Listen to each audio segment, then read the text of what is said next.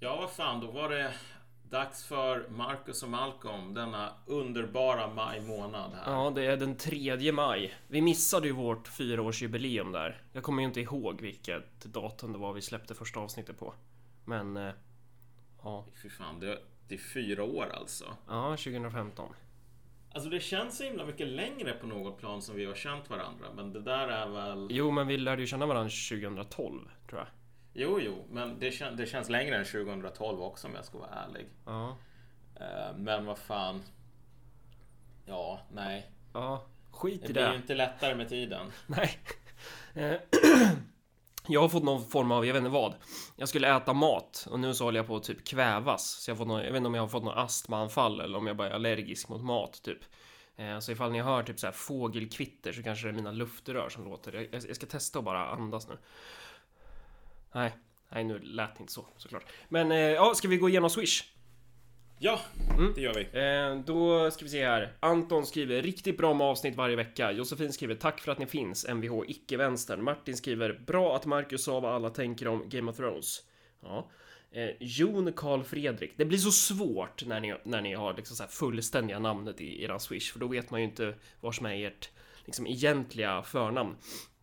Han skriver i alla fall eh, näst bästa Kautskyist Menshevik-podden. Och så stavar han Menshevik med ä också. Jag vet inte om vi ska ta det som en komplimang eller som, som den eh, främsta kränkningen någonsin. Ja, du, det, jag, jag känner mig helt förvirrad nu också faktiskt. Jag vet inte hur jag ska reagera på det här. Nej. Johan skriver bra podd, skönt surr, lyssna på flera avsnitt nu. När folk skriver att de har lyssnat på flera avsnitt, då blir jag så jävla nervös. För då tänker jag, åh nej, nu har de lyssnat på våra gamla avsnitt och vi säger så här riktigt korkade grejer typ. Jag lyssnar ju på Det ty- något. ja. Jag lyssnade ju på det här avsnittet om polisen som som vi spelade in för fyra år sedan eh, på gymmet och jag alltså jag höll ju på att kissa på mig för att det var så pinsamt. Så jag gick hem Ja. direkt och, och tog bort det.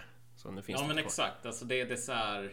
Det roliga är ju att med de här, en del av de här gamla avsnitten då försvinner ju som de här Stalins polare i de här gamla fotona. Liksom. Ja. Och så när man frågar efter dem bara så svarar man bara Vem? Ja, de har aldrig funnits. Nej. Aldrig funnits. Där har du inbillat Ja. dig. Eh, Karl skriver Tack för ett utmärkt föredrag i Linköping Malcolm. Ja, det var så lite så. Moa skriver Hej Malcolm, vill du dricka öl med mig? Eh, Det beror på vilken sorts öl det är. Ja. Var någonstans det är. det, ja. Björn skriver Want to buy boktips om ekonomisk historia. Populärvetenskaplig. Ehm, ganska enkelt. Jag skulle rekommendera typ Wages of Destruction om man är intresserad av ekonomin i Nazityskland faktiskt. Den är riktigt bra.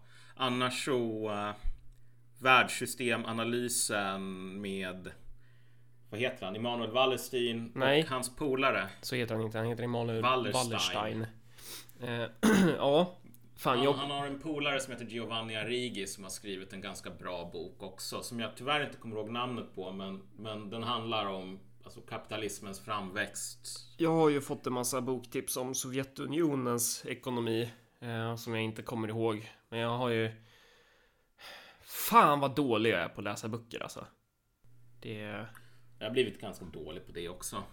Jämfört med förut. Men Ja, fan. Eh, Tyvärr har man ju lite andra saker att göra nu för tiden. Så man får försöka lära sig on the go. Ja, det är fan... eh, Martin skriver gärna en post metoo utvärdering. Eh, och det där har vi ju pratat om att vi ska... Vi skulle göra ett avsnitt om metoo. Eh, typ när det var aktuellt. Men det blev ju som vanligt att vi glömde bort eller blev inte av liksom. Ja, precis. Men, men, men det...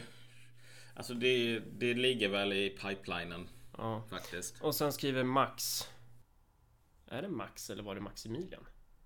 Ja, nej, det står Max. Eh, kill, fuck or marry. Kunke, Liljestrand, Bard. Det här tycker jag är ganska enkelt. Ehm, den enda man vill ha, alltså, jag är ju hetero.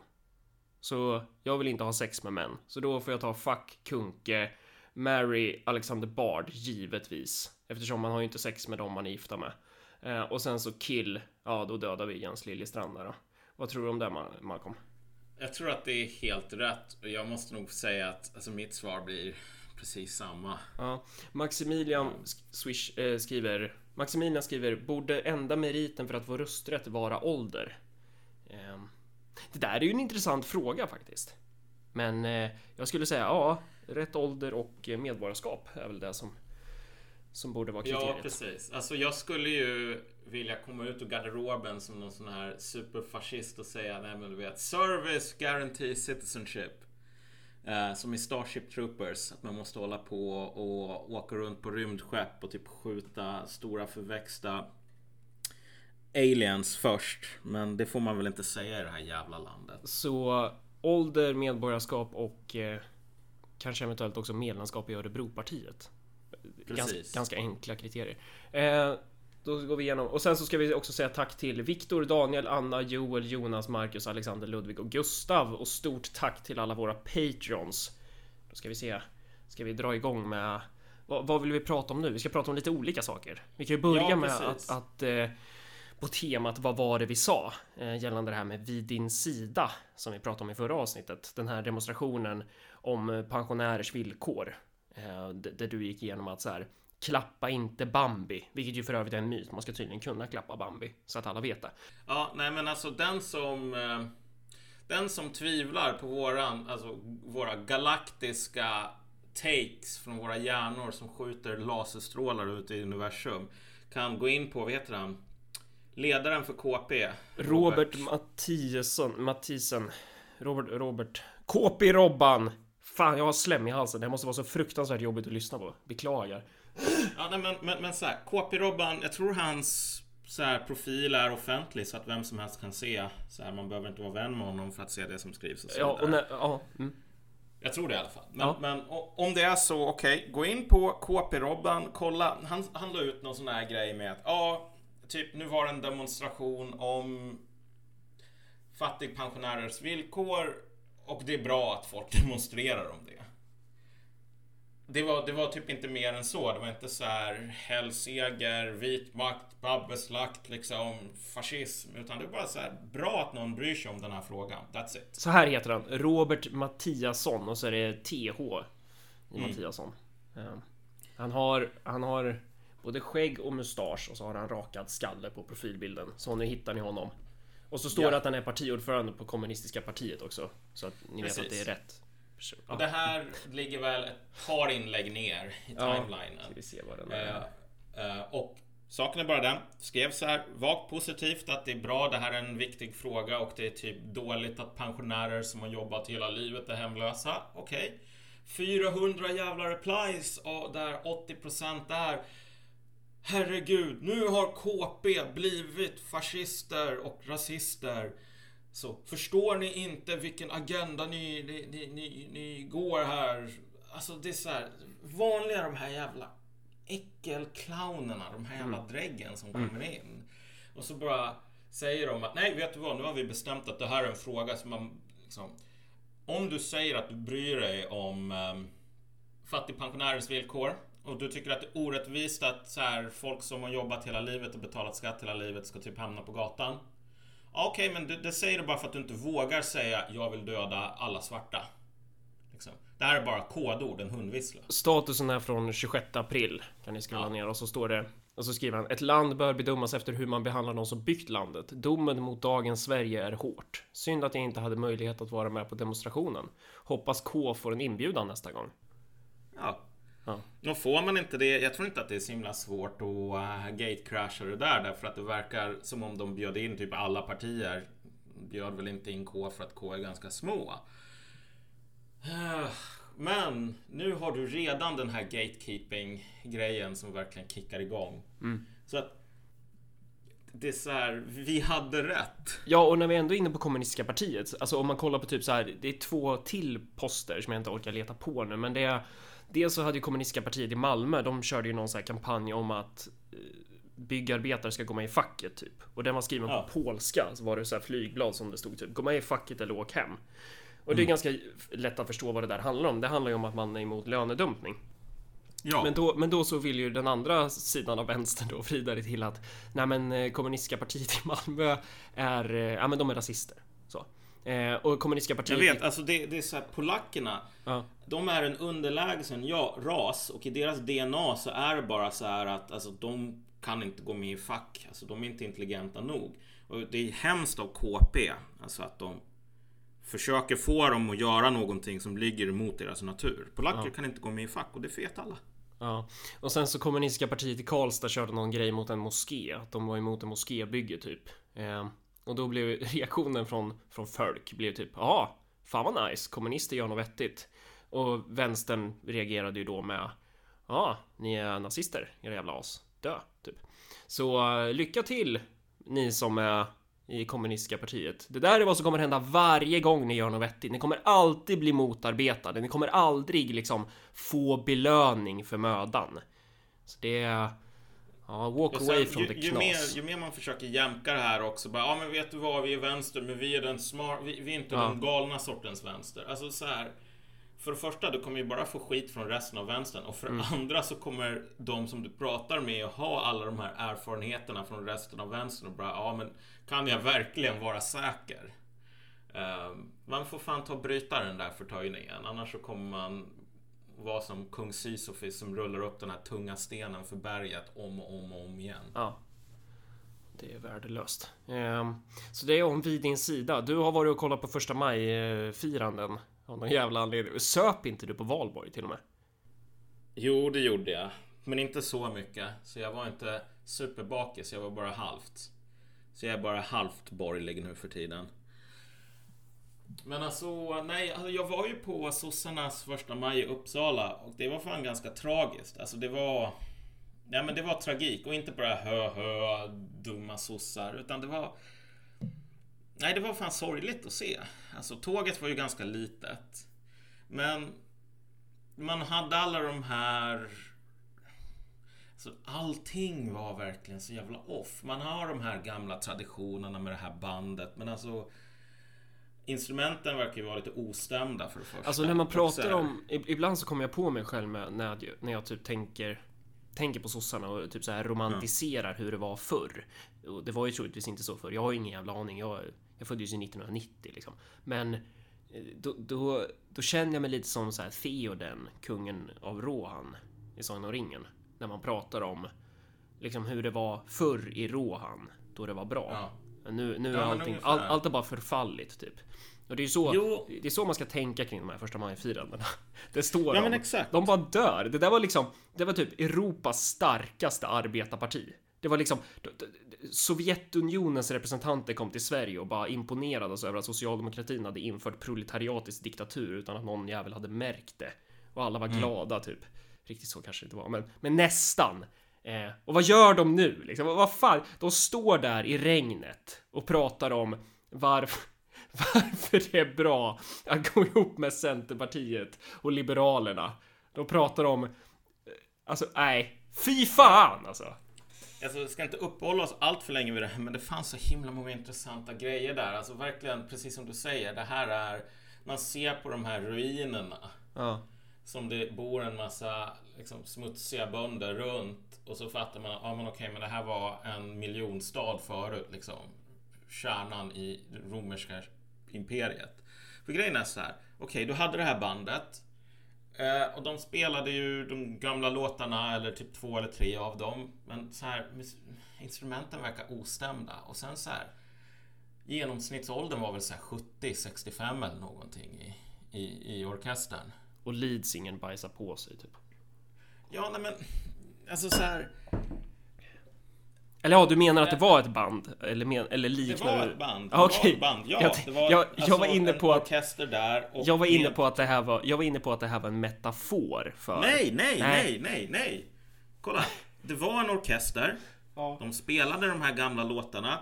ehm, och det var liksom någonting som var off. Som sagt, jag är, jag är typ tondöv. Men det verkade som om så här, instrumenten var liksom dåligt stämda. Och sen så var det skitgamla människor i den här orkestern. Bara. Det har varit informell lag på första maj sedan 1991 att alla orkestrar ska vara ostämda och att all musik ska låta som väldigt konstig cirkusmusik. Mm. Men, men, men, men så här, seriöst. Ja, Ehm, man märkte verkligen att okej, här har vi bärare av någon sorts gammal tradition, men det finns ingen förnyelse alls. Och sen publiken sjöng med liksom, när man skulle avsluta med att sjunga Internationalen. Man kunde inte ens höra sången alltså. Folk stod och mimade och vissa gjorde ju inte ens det. kan man säga som Det- så att de sjöng så lågt så att man inte de, de, de, de sjöng men man hörde inte. Nej, nej men exakt. Ja. Och, och, så här, talen var ju, han LO-basens tal som var det bästa av de tre talen. Han sa ju bara, jo men du vet min farfar, om han hade sett mig nu så skulle han ha frågat, ja men vad är kostymen? Ungjävel. Därför att på den gamla tiden, det här var en högtidsdag, man tog på sig den finaste kostymen man hade. Och det var ju menat som ett lite så här skämt, du vet en publikvärmare och på så sätt så funkar det ju. Men det är så här, ja men vad är kostymen egentligen? Så fullaste allvar. Du, det är inte så att folk inte har kostymer idag. Nej men demonstrationer överlag var ju en gång i tiden så var ju det en styrkeuppvisning. Det var ju ett sätt att ja. verkligen Alltså det är typ som de här lejonen på regalskeppet Vasa. Du ska ju skrämma mm. dansken till, till lydnad. Att så här, demonstrationer det är en styrkeuppvisning. Eh, du, du, ska gå dit, du ska, du ska marschera i led, du ska, det ska vara disciplin, du ska liksom... Det, det ska bara... Det ska bara spruta kollektivism om det här kraftuttrycket. Men om vi tittar på typ demonstrationerna idag, det är liksom så här, ja men i ena änden har vi ett gäng läderbögar som går runt och håller varandra i koppel och i andra änden, ja där har vi ett gäng blåhår som springer runt och viftar med sina tuttar typ och så har de tävlar om vem som kan ha störst eh, septum piercing i en annan ände, ja det står en schaman och i en tredje ände, alltså det är så här, de sjukaste karaktärerna har man liksom samlat på en plats och så ska de bara så här hoppa runt på något så här zombie walk-aktigt sätt i, i liksom i ett led typ som knappt är ett led. De bara rör sig längs med en gata. Det bara kommer en, en social pestsmitta. Jag, jag har bara, innan vi rör oss vidare, vilket vi egentligen borde ha gjort, men det finns en sak här som alltså, jag tycker är ganska viktig. Ja. Um, och det är så här, jag känner ju en del så här äldre gråsossar, typ Stickan Ljunggren och så vidare. Och de har ju någon sorts grundläggande grundmurad förtröstan på att alltså, det kan gå dåligt för sossarna men sossarna kan i princip aldrig dö. För sossarna har varit med om så mycket och det är så här motgångar och bla bla bla men kolla. Snorunge, Malcolm, de har alltid funnits. Och jag, jag, tror så här, Vidar Andersson på Folkbladet som jag inte känner men som jag träffat någon gång. Jag tror han har samma grundläggande inställning ungefär. Att, alltså det kan gå dåligt för sossarna men alltså så här. Alltså de kan inte försvinna. Det är som att solen skulle försvinna ungefär. Och jag bara... Det som slog mig är så här att vi spolar tillbaks bandet en hundra år. Um, du vet Österrike-Ungern. Hitler var ju österrikare. Och han hatade ju liksom Habsburg, han hatade Österrike-Ungern. Han vägrade typ att sjunga den här kejsarsången, så han sjöng ju typ Tysklands nationalsång, eller det som blev Tysklands nationalsång sen. Som något så här uppror. Och om du var så här, vi säger att du var 20 år 1910 ett par år innan första världskriget. Det, det enda du hade liksom någonsin levt i när det gäller Österrike-Ungern. Det här något det här gamla riket som hade existerat i typ ett halvt millennium i, i någon form. Men det enda som du, du såg inte det där 500 åren av massiv jävla historia av ära och bla bla bla, motgångar, förluster, segrar. Det enda du såg, det var, du, du har sett 20 år av kris, kris, kris, kris, dekadens, förfall, mer kris, ekonomisk kris, militär kris, interna liksom fighter, allting sådant. Du har inte sett någonting bra. Du har bara sett svaghet. Det är det enda. Någon som är typ 90 år vid den åldern kommer att säga, ja men vet du vad, alltså Visst, det går lite dåligt nu men det gick fan dåligt 1876 också. Det tog vi oss ur. Men det där talar inte det där för fem öre. Och den här 90-åringen, han kommer ju ha liksom, när han var i din ålder, hade han eh, farföräldrar som berättade om hur jävla ballt det var innan franska revolutionen. Men grejen är ju att så här. De här gamla gråsossarna förstår inte att typ folk i typ din och min ålder och egentligen vi är i någon sorts brytpunkt. Folk som är 20 år idag. De har aldrig någonsin sett någonting annat än av råan än de här ruinerna. Mm. Du kan inte komma till dem och säga, men vet du vad? Sosseriet har alltid existerat och du Fattar du inte vad jävla många stora segrar och framgångar och motgångar? Det är bara så här, sosseriet för dem, det är bara en jävla... Ett, ett skjul. Mm. Någonting trasigt. Någonting som alltid har varit trasigt i deras ögon. Och saker som folk tror bara... Det här har alltid varit trasigt. Det här har alltid varit en ruin. Det är ingen som slåss för att liksom skydda det. Det är ingen som slåss för att hjälpa det att ta sig igenom kriser. Och det var ingen som slogs för um, Österrike-Ungern heller. Utan sekunden som man förlorade första världskriget så slets det sönder av dess egen befolkning. Alla drog åt olika håll. Ehm, för att det fanns ingen respekt för den här 500 åren av historia kvar. Hade det funnits det så skulle, skulle riket ha varit odödligt. För sådana här saker är odödliga så länge folk tror på det. Men när generationer kommer som aldrig någonsin har sett någonting annat än så här gamla gubbar som har ett par år kvar till döden som står och, och spelar den här musiken för att liksom, jag vet inte vad. Ingen vill riktigt sluta. Så här, ingen vet vad de ska göra då. Bara den, bara den bilden är jävligt kraftfull och den bilden tycker jag visar på att alltså, socialdemokratin har inte långt kvar. Mm. Ja. Men jag kan ha fel. Vi tar och rör oss vidare. Ja, nu ska vi prata om eh, poliser. Eller ja, delvis poliser. Vi ska väl prata om alienering inom tjänstemannaskikten på något sätt.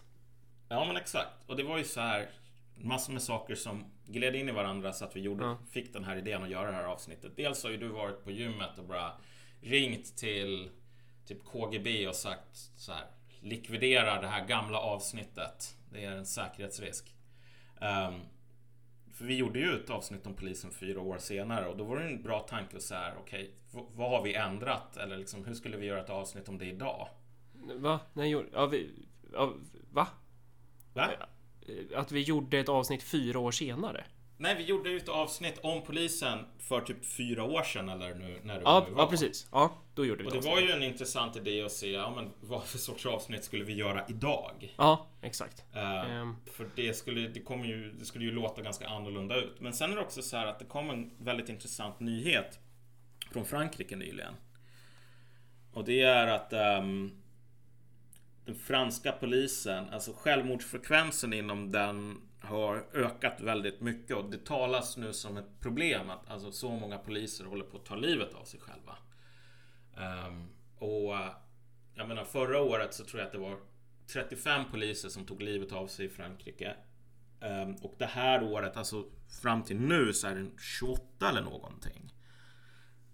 Så att, och vi är ju just nu inne i början på månad 5 av 12. Så det har inte gått så himla lång tid på det. Men när det gäller det här med polisen, alltså vi gjorde ju ett avsnitt som var eh, Ja, det var väl väldigt mycket inträdande läten faktiskt. Att det var liksom Vi pratade om den här gamla käpphästen med att staten är den härskande klassens verkställande utskott.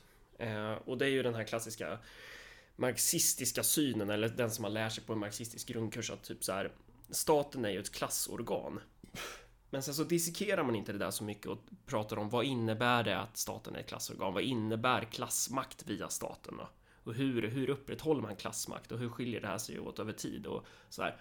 Eh, men i det avsnittet så pratar vi typ om att polisen är liksom statens kärna och det stämmer ju. De väpnade styrkorna är ju statens kärna, men eh, man, att det, det andades en så konspiration, alltså en mm. konspiratoriskt tänkande Eh, mm. Att, och det är ju det som blir lite lustigt när man så här hävdar att man är så här företräder någon slags dialektisk materialism och så är man tok-idealistisk i det man pratar om. Att typ att poliserna skulle ha någon slags eh, Ja, det skulle falla sig naturligt att vara fascist om man är polis typ. Ja, nej men exakt. Alltså bara för att man är polis snarare än för de vad ska man säga, den materiella situationen som man är i. Mm, och, och även om man skulle, ja precis. Eh, och, och, grejen är väl, är väl den att vi kanske skulle ha sagt så här att eh, det beror på den materiella situationen som man är i. Men då, då är ju analysen av den materiella situationen helt åt helvete. Ja, precis. Alltså att det är mer, det är bara en, en, en fras. För jag kommer på mig själv så här med att jag har liksom inte riktigt ställt om hjärnan. Jag vet inte om jag dragit den här anekdoten förut, men, men det var jag och Adam var ute och plockade ner valskyltar med Örebropartiet och sen så kom Johan Persson från eh, Liberalerna fram, för detta Folkpartiet då. Eh, och så, ja, han hälsade på oss och sa grattis till vårt mandat och sådär och var jävligt trevlig och Adam bara, ja fan han var ju schysst. Och jag bara, nej, nej det är han inte. Och så frågade han, nej vadå då? Vad, vad är det för fel på honom? Och då var jag tvungen att tänka till. Och då är det så här, jag hade ju en tanke och en känsla om den människan som etsade sig fast från typ någon skoldebatt 2010 när jag liksom satt som distriktsordförande för Ung Vänster Örebro län och var sur på någonting. Och jag, vet, jag kommer inte ens ihåg vad den här personen har sagt. Troligtvis så kanske det han sa, det kanske inte alls var så jävla farligt, men jag tyckte det där och då. Och då funkar ju reptilhjärnan så att då, då liksom, eller reptilhjärnan, då funkar den här delen av hjärnan så att den här känslan, den är ju etablerad och sen så jobbar man ju för att den ska bekräftas hela tiden. Och lite ja. sådär är det när jag typ så här ska gå igenom vissa saker idag, typ som nu i, i, i förra veckan så höll jag, höll jag ett föredrag om klass. Och då var jag tvungen att så här gå igenom vad jag skulle säga innan för att jag är så van vid att ta det på, på volley och då blir det mycket mm. från så här ung vänster. Men så kommer man på, men vad fan är det jag står och säger? Jag står ju och säger saker som är helt jävla...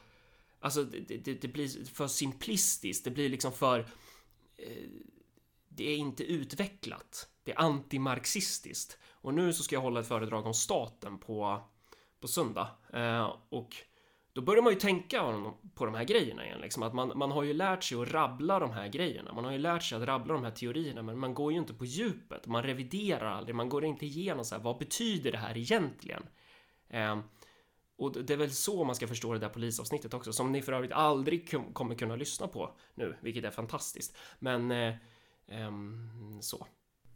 Nej, men jo, men du, och du är helt rätt. Man lärde sig Ja, dels för att man hade en jävla eh, zoomerhjärna som typ inte var färdigväxt. Men, men, men sen också för att så var miljön. Att man lärde sig att rabbla saker. Ehm, och Ja men om du tänker dig Ung Vänster till exempel. Och, eh, och man ska inte, här ska man inte säga att ja, men typ du och jag, när vi gick med, vi ville verkligen ha den här djupa debatten och så vidare. Och så var det de här dumma människorna i Stockholmsbunkern i Ung Vänster som bara förtryckte oss. Så var det ju inte alls. Alltså man ville fan ha rätt. Och man ville kunna känna att man hade rätt. Och sen när man kände att man hade rätt, då ville man hålla på och banka det här i huvudet på andra. Det var ganska mycket av bevekelsegrunden i alla fall för mig. Uh, och det är ganska mycket av bevekelsegrunden för de flesta 22-åringar eller någonting i den stilen så här, många gånger. Um, så man kan inte lasta den aspekten där bara på um, Jag menar bara på Ung Vänster till exempel. Även om det nu är så att om man hade velat fråga varför någonting är rätt snarare än att ta reda på vad som var rätt. Ehm, då skulle det ha blivit en massa problem för en, självklart, självklart. Men, men... Och, och det är väl, förhoppningen nu är väl att vi ska kunna ställa upp en annan variant eller nej, jag ska inte säga sådär för vi kommer inte uppfylla det. Men, men så här, det jag tänker nu, det är liksom så här, staten. Man kan ju prata om staten som den härskande klassens verkställande utskott, men då utgår man ju ofta från en ganska konspiratorisk idé, även om man hävdar att det är materiell analys. Men när man pratar på så här sätt som den härskande klassen härskar på. Eh, eller så kan man ju snarare prata som staten som en en, en relation. Som liksom, staten är nästan som en vara. Den, varans egenskaper är ju helt beroende av alla andra varor på marknaden. Ja, det är ju i relation till alla andra varor som just den varan blir den varan. Och det är väl typ så man ska förstå staten också, tänker jag. Ja, det är liksom och, och... En, det är, vi alla reproducerar ju staten i, i, i viss mån. Jo men exakt, men och, och det är så här det, det, du tog upp det här exemplet innan med, jo men man ska på de här föreläsningarna ska man prata om ämnen som man citat kan, slutcitat. Och så bara inser man att, ja men liksom, var kommer den här kunskapen ifrån i princip? Och jag, jag har ju känt ganska mycket så angående polisen ett bra tag så här, att vi hade våra takes förut och saker som vi var övertygade om.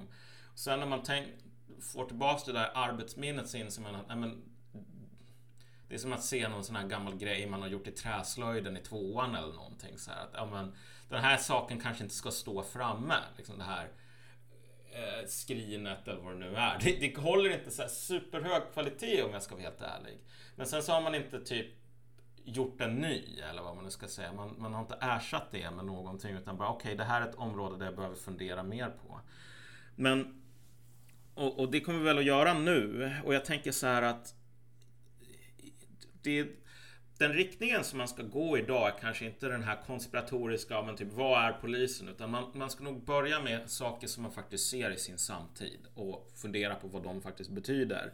Och vilka, vad det säger om politiken och om, jag menar, klassrelationer också idag egentligen. Och här tycker jag som sagt att den här nyheten i Frankrike är väldigt intressant med alltså, väldigt en explosivt växande självmordsfrekvens.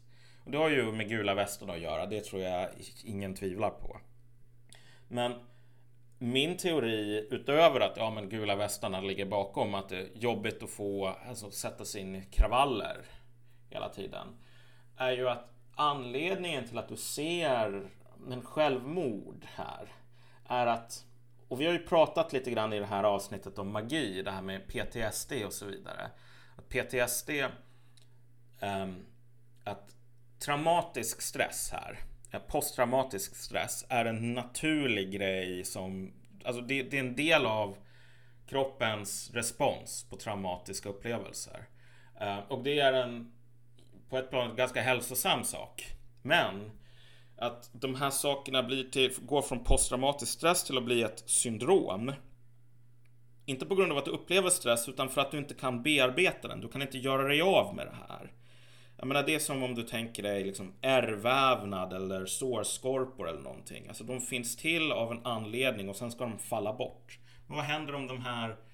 Vad händer om eh, processen för att ta bort det här plåstret eller vad man nu ska säga om den inte, om den inte fungerar.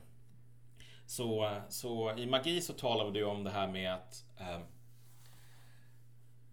de här soldaterna från olika krigarkulturer eller i alla fall sådana här eh, indiankulturer där man höll på att kriga stup i kvarten och hade massor med ritualer som folk kom ihåg från så här okej, okay, när du ska gå ut och typ slå ihjäl dina grannar, gör det här innan och gör det här efter och så vidare.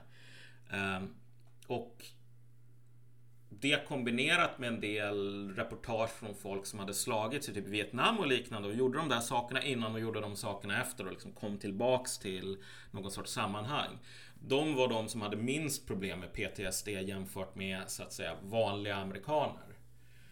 Och jag tror att man kan dra någon liknande parallell här. att Det är inte nödvändigtvis så att poliser måste ta livet av sig själva. För att det är massor med människor som kastar stenar och molotovs. Um, men jag tror att det stora problemet som den franska polisen står inför är att de inte riktigt vet varför händer det här. Ja, och det är det där som är alltså. Det, det, det, viktiga här är ju det kulturella.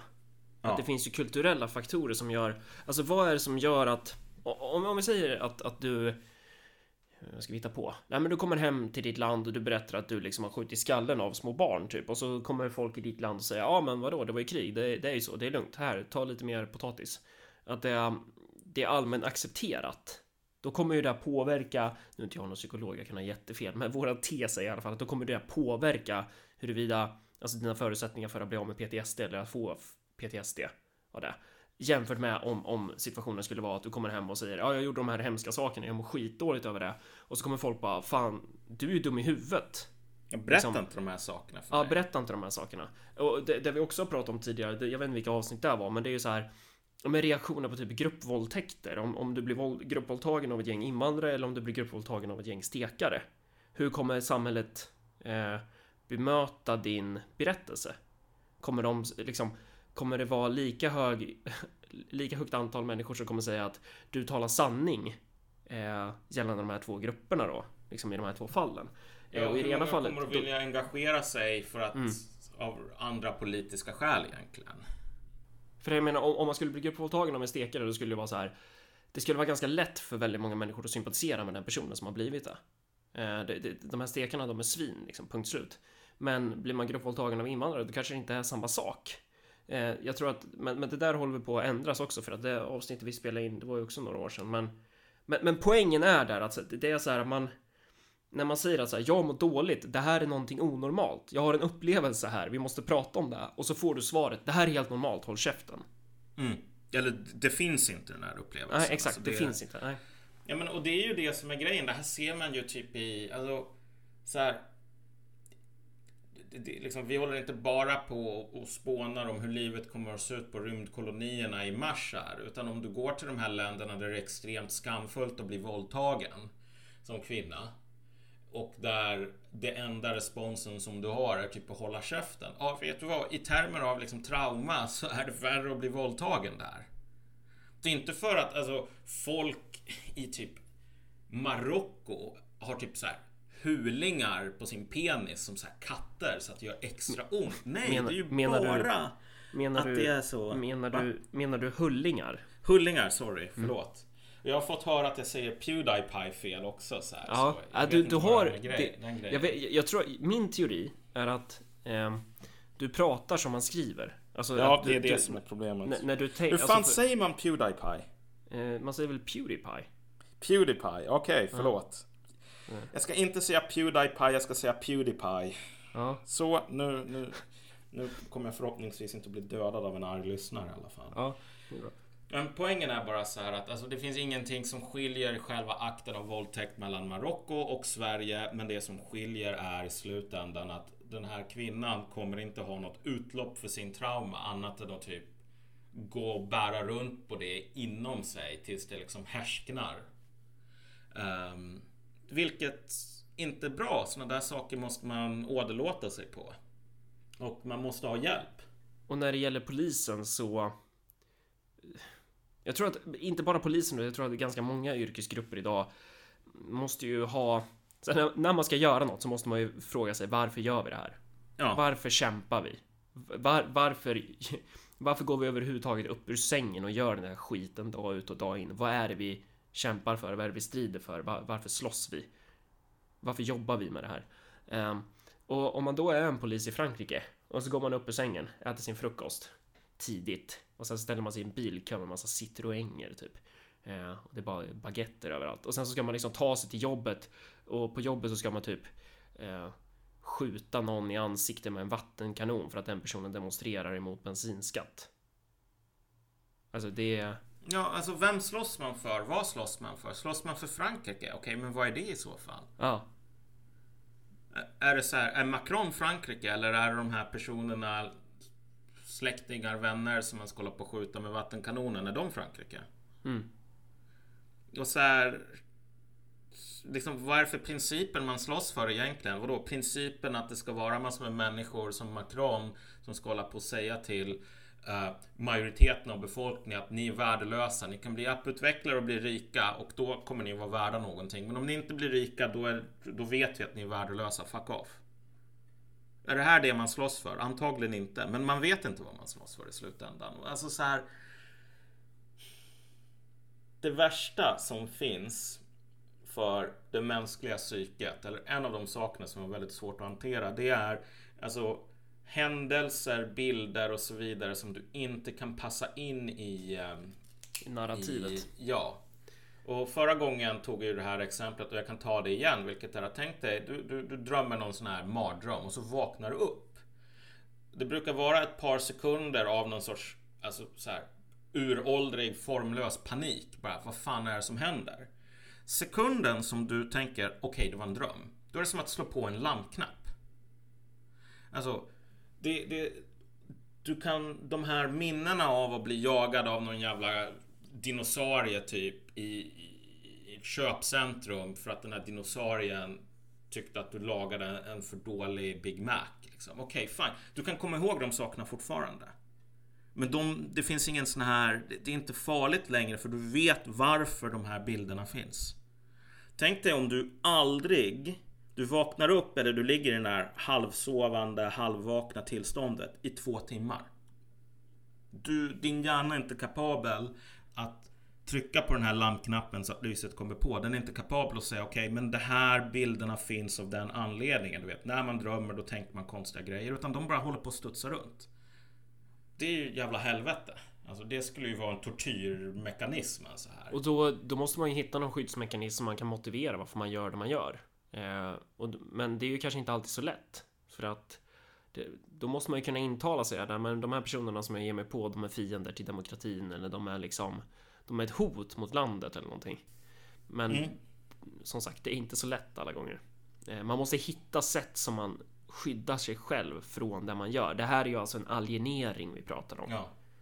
Och, och drömmar är ett extremt exempel för att det är ofta så jävla skruvade grejer i dem. Men, men alltså, och att de sker under en viss period och sen så vaknar man upp och då kan man inte drömma längre. Men, men eh, verkliga livet och konstiga saker som händer där, det är ju bara samma princip fast mindre, mindre så här svartvitt egentligen. och det finns ett exempel här om vi ska ta och gå över dit. Alltså, Ja, jo precis. Försäkringskassan, socialen, skolan. Ja, exakt. Ehm, jag, tror, jag tror att... Jag tror... Eller, jag är inte någon expert på den svenska polisen och um, interna kulturen och stämningsläget och så vidare. Men jag pratade med en kille som sa att det är antagligen större risk att du kommer att få ökade självmord, prosaknaprande, allting sådant på Försäkringskassan innan du får det på polisen. Och Försäkringskassan har ju den här uppgiften att um, som är omöjlig mer eller mindre. Annika Strandhäll eh, som den enormt begåvade sossepolitikern som hon är eh, kör ju hela den här grejen med att Försäkringskassan får bli bondeoffer gång på gång på gång på gång. Man skickar de här orderna om att nu ska ni spara pengar och typ hint, hint, hint. De här människorna, de slår inte tillbaka så man skär ner deras ersättning för de är för sjuka för att kunna göra någonting. Hint, hint, hint. Så här, spara pengar. Um, och sen när Försäkringskassans generaldirektörer börjar spara pengar och det kommer ut i media om att ja men vet du vad de här människorna som är så för sjuka för att slå tillbaks De får ingen ersättning helt plötsligt för att de är så friska så att de kan gå till jobbet. Um, då, ja men vet du vad? Vet du vad man gör? Man sparkar generaldirektören. Mm. För att det här var inte alls vad vi menade. Nej. Det var inte alls så att Alltså- vi ville att du skulle skära ner på några genom att spara pengar på den liksom enda kostnaden som går att spara pengar på, vilket är hur mycket pengar man betalar ut. Och Annika Strandhäll är ju också, hon har ju alltid den där oskyldiga minen. Varje Ja. gång hon blir konfronterad så står hon ju där som en jävla typ, jag vet inte vad, 12-årig tjej som just har blivit ertappad med att ha gjort något jävligt oskönt mot sin lillebror och så försöker hon typ hävda att hon inte har gjort det. Att det är liksom, eh, hon har alltid den minen. Sen ser hon ut som en jävla grodan Peppe också, men det är ju en annan femma. Men Ja. ja, nej, om, du, om du Försäkringskassan. jobbar på Försäkringskassan, vad fan är ditt jobb? Är ditt Ja. jobb att skära ner så mycket du kan? eh, hitta olika möjligheter att inte betala ut pengar? Eller är ditt jobb att se till att betala ut pengar till alla de som har rätt till det? De här två sakerna är inte... Du kan inte kombinera dem. Och så här, om du jobbar på polisen, är det jobb att sätta dit alla jävla kriminella drägg som gör livet surt för dig? Eller är det jobb att typ gå ut i strid för Emmanuel Macron? Och Ja, liksom vak vakta hans, hans gamla regim. Att det är så här. Men, men, men det här är ju intressant för det, det finns ju ett glapp här mellan eh, dels politikerklassen i Frankrike och den polisiära delen av staten. Ja. Att det finns ett, det finns ett glapp i, i vilken verklighet man lever i. Ehm, att politikerklassen i Frankrike, de, de använder ju poliserna för, för, som sitt dirty work. Och här i Sverige, det, det kommer ju bli samma sak här troligtvis. Men, men innan man kommer dit så är det Försäkringskassan som får göra smutsjobb först. Och jag tror att det där kommer nog bli mer och mer inom staten att olika klassskikt inom staten kommer ju eh, Alltså det det är ju de som får ta konsekvenserna av den här politikerklassens eh, att politikerklassen har svävat iväg. Mm. Jag menar, och, och så här, man, får, man får påpeka en grej här, vilket är att alltså, problemet är inte att man skulle hålla på och spöa massor med gummor med typ batonger. Alltså det i sig är någonting som alltså, poliskårer kan göra utan något problem alls egentligen. Du vet att innan innan ganska nyligen så var det så att demokrati, det var typ inte en grej. Polisen existerade inte för att skydda demokratin för A. Den fanns inte och B. Eh, de existerade för att skydda kungen eller de rika. Och de hade inga illusioner om det. De, så, så när de ska gå ut och spöa de här gummorna då är det inte så här Jag vet inte varför jag gör det här. Jo, man visste fan varför de gjorde det. Varför man spöade dem. Um, sen kan man ju komma på att man inte vill fortsätta. Men alltså den här identitetskrisen var inte ett problem. Och de här kungarna, de hade ju ingen dum vana med att säga, nej men alltså Okej, jag är en kung och det finns ingen demokrati, men du slåss egentligen för demokratin because reasons. Utan de sa du slåss för mig. Det är ju därifrån de här teorierna om den härskande klassens liksom vapen. Status Mm. som härskande klassens vapen. Det är ju därifrån man ska ju tänka att många av de här marxistiska teorierna har ju sitt Alltså de De kommer till utifrån en historiskt specifik situation. Men marxisterna har ju i olika mån gjort de här teorierna istället för att betrakta dem som historiespecifika och se vad är allmänt och inte så har man gjort dem i sin helhet typ till allmänhistoriska. Um, så att om, om det finns någon text typ om så här, så här ser polisen ut i Petrograd 1916. Så mm. tänker typ vissa människor att ja, och därför kommer polisen agera likadant i Sverige 2019. Ja, exakt. Jag menar, Marx levde ju på en tid där du hade republiker. Um, ja, men i Frankrike till exempel. Men alltså, rep det, så här, det, fanns en, det fanns en radikal vänster, socialister. Men överlag, alltså den, den grundläggande inställningen hos de som styrde, de som var i mitten i, i, i andra republiken till exempel. Det var ju att man hade ersatt en aristokrati av börd med en aristokrati baserad på merit. Och hur visste man att någon var tillhörde aristokratin baserat på merit? Jo, för att han var rik. Så det var inte människor som sa, nej men vet du vad, en man, en röst, alla är lika mycket värda, typ. Det, det fanns inte mycket sån ideologi överhuvudtaget, men den ideologin är jävligt vanlig idag. Det är liksom därifrån som... Så, om, så, så, om du skulle ställa frågan till en polis idag, varför slåss du? Eller ja. varför kämpar du? Varför går du upp ur sängen och gör det här? Då kommer den polisen säga, troligtvis tror jag, något till med, det är för att jag älskar demokratin.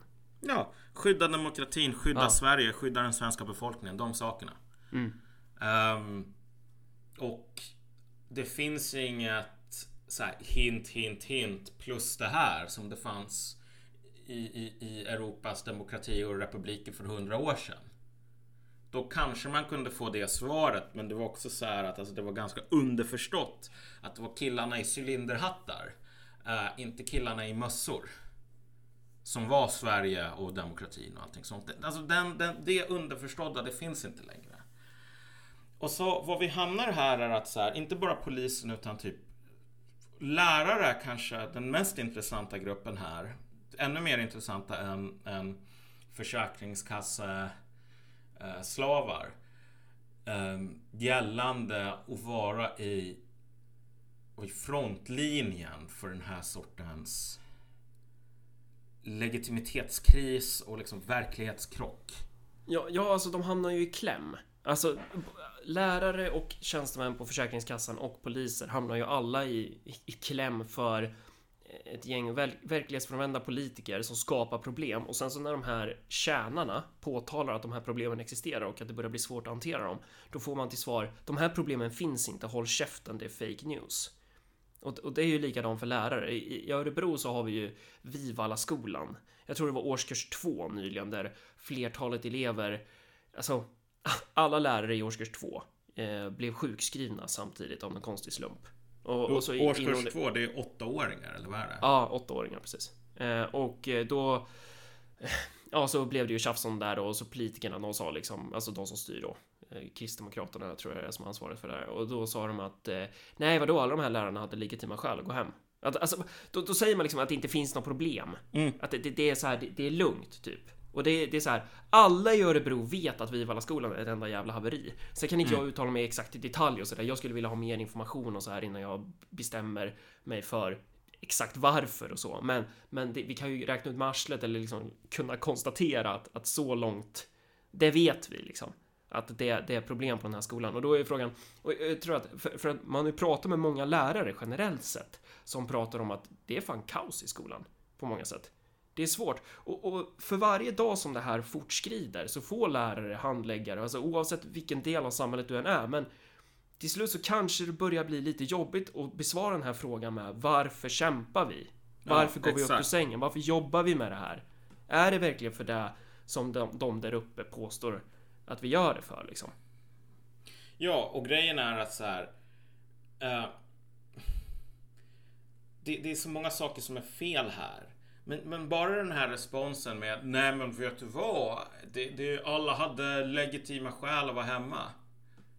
Ja, alltså det är ju säkert på ytplanet korrekt. Om du får ett um, stressrelaterat så här, sammanbrott till exempel Jag menar, det är ett legitimt skäl att vara hemma från vilken arbetsplats som helst. Det är så här, du får så här psykosomatiska problem på grund av stress. Det är också ett legitimt skäl. Men, det, men märk den totala bristen på nyfikenhet här. Okej, men varför finns alla legitima skäl? Det är en jävla slump. Det är ingen smittsam influensa som håller på att sprida sig på Vivalla skolan. Så att alla blir sjuka samtidigt. Det är någonting annat. Och bara vad är det? Det är en intressant fråga. Men det är ingen som ställer den för att alla vet den redan för det första. Sen är det också så här att om politikerna säger att ja, det här är normalt. Vad de säger till de här lärarna är håll käften, era problem existerar inte. Sitt still i båten för det har vi bestämt. Okej, okay, det kanske är så att den här åttaåringen drog en kniv och försökte hugga er i låret. Men, och att det ger er vissa funderingar och saker som ni skulle behöva prata om. Men ni ska inte prata om det, ni ska vara tysta. Och så ska ni, precis som ett våldtäktsoffer i Marocko, um, vända den här traumat inåt. Tills det liksom härsknar och tills ni går sönder i princip. Och saken där är ju bara så här att det är ju inte, det är inte så här att åttaåringar har förvandlats med någon sån här DC Comics mutant magi liksom till så här um, jättefarliga biologiska supersoldater. Alltså problemet för lärarna på Vivala skolan om jag liksom ska bara gissa här mellan tummen och pepfingret. Det är inte att det skulle vara omöjligt om vi säger så att hantera de här åttaåringarna. Men det är att de får noll jävla uppbackning och liksom, det finns inte ens några åttaåringar att hantera för allting är så jävla fint och perfekt.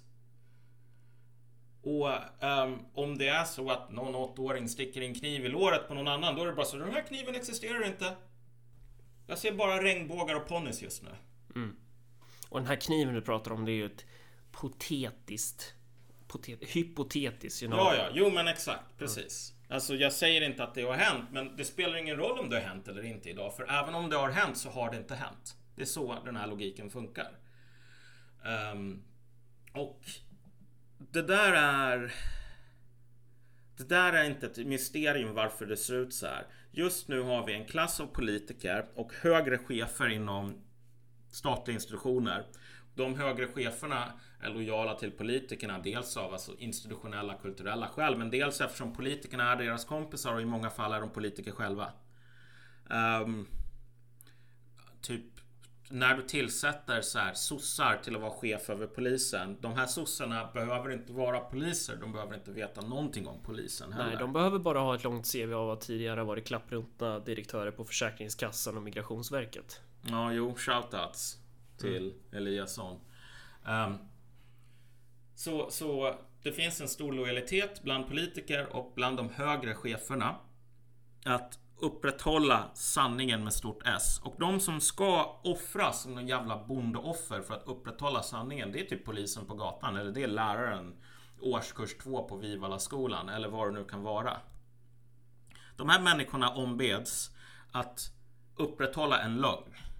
Med sina egna kroppar och sin egen säkerhet som insats. Och det här och, och den lögnen kommer ju vara olika svår eller olika lätt att upprätthålla beroende på hur du motiverar dig att göra det. Mm. Alltså om, om du är helt övertygad i, i det här liksom. Om du är helt övertygad i att den här rådande ideologin är sann. Att eh, Nej men att de här, alltså om vi nu skulle säga att du blir knivhotad på jobbet av någon eh, i skolan för du är lärare typ. Um, och du har en ideologi som säger att nej men de här människorna de är liksom halva apor så det är helt legit att jag blir knivhotad. Då kanske det är lättare att hantera den situationen. För då kan man vara beredd på att nej men små barn de, de skriker hora och de hotar en med kniv. Det, det är normalt. Och att föräldrarna säger att, att de här barnen inte har gjort någonting, det är också helt normalt. Att det, men, men om du är skolad i en annan miljö och det liksom har skett förändringar och det har skett väldigt drastiskt, då kanske du kommer reagera. Kanske du kommer tänka så här, ah, vänta lite, det är någonting här som inte är riktigt normalt. Det är någonting här som inte riktigt funkar. Um, mm. ja, men, men, men. Och, och jag, bara en, en, en poäng här, alltså bara för att understryka som du just sa. Mm. Att kolla, jag skulle gissa, nu har jag ingen statistik på det här, men jag skulle fan vara beredd att satsa ganska mycket pengar på om du är en lärare i årskurs 2 i Kobane medans IS håller på och bombar. Ja, Så är det nog på ett plan mindre sjukskrivningar där än vad det är på typ många av de här problemskolorna i Sverige. Spelar ingen roll att, alltså, och det är inte så att typ Kobane, det är, det är en sån här dans på rosor, utan det är precis tvärtom. jag vet inte ens om de hade skolor när Nej men, men, på- men om vi säger så här skolor i andra typ inbördeskrig, konflikter och så vidare. Där det regnar granater från himlen och där, oj då, nu kommer inte Stina därför att hon har blivit söndersprängd av en liksom, mina. Ehm, det kommer att vara jävligt jobbigt, mycket stress, mycket trauman. Men om du vet varför folk slåss varför Tina blev sprängd av en mina och varför det är viktigt att hålla skolan öppen ändå. Om du vet de sakerna, då kommer du att klara dig. Du kan gråta, men du kan gråta efteråt. Men om du inte vet de här sakerna och det är bara, um, bara liksom massor med stress och massor med orättvisa och så vidare. Men det finns aldrig någon förklaring. Du kommer aldrig till den här punkten där liksom hjärnan säger ja men det här är varför det händer. Um, då kommer de här sakerna att dränka dig. Så här, de, det finns enormt stora problem med PTSD som liksom man inte väntade sig bland folk som är piloter åt drönare i USAs militär. Drönare sitter alltså i luftkonditionerade containrar ute i Nevadasöknen. Finns inte en chans att någon i Afghanistan kan typ ta sin Kalashnikov och skjuta den här kulan in i containern i Nevada. Noll fysisk... Drönarpiloten sitter i containern. Ja, precis. Det finns noll jävla hotbild mot dig som den här piloten åt den här drönaren. Du sitter där och så kollar du på en, en datorskärm och så håller du en joystick. Så spränger du folk. Eh, de har jättestora problem med PTSD därför att så här... Ja, du ser inte så himla många kroppsbitar för att de här kamerorna är ganska... Alltså, man ser inte så mycket i dem för att de här är så himla högt uppe. Men det lilla som man ser och det lilla som man är med om och det lilla som man läser och liksom om man tänker Tänk om jag sköt fel, tänk om jag sköt fel, tänk om det här inte var terrorister, tänk om det var barn. Du kommer att gå ut ur den där containern så kommer folk att säga bra jobbat och fan vad skönt det måste vara för dig att bara sitta här och ha världens enklaste jobb och bara trycka på en knapp. Och sen bara, ah, men jag har fan ångest över att jag vet inte vem, jag kan inte ens se vilken där jag trycker på knappen på. Och då kommer folk säga, vadå? Vadå liksom? Var tyst, du har tur. Och sen så kommer den där ångesten att lägga sig på hög ända tills den bara exploderar. Så här. Ehm, en, en soldat som slåss för typ kurderna mot IS. Han kan bli skjuten. Så här, det, det är en risk om du befinner dig på fronten. Men eh, har antagligen en större chans än den här drönarpiloten att undvika PTSD. Om man vet vad han slåss för. Ehm, så, men, men detta om detta egentligen. Alltså så här.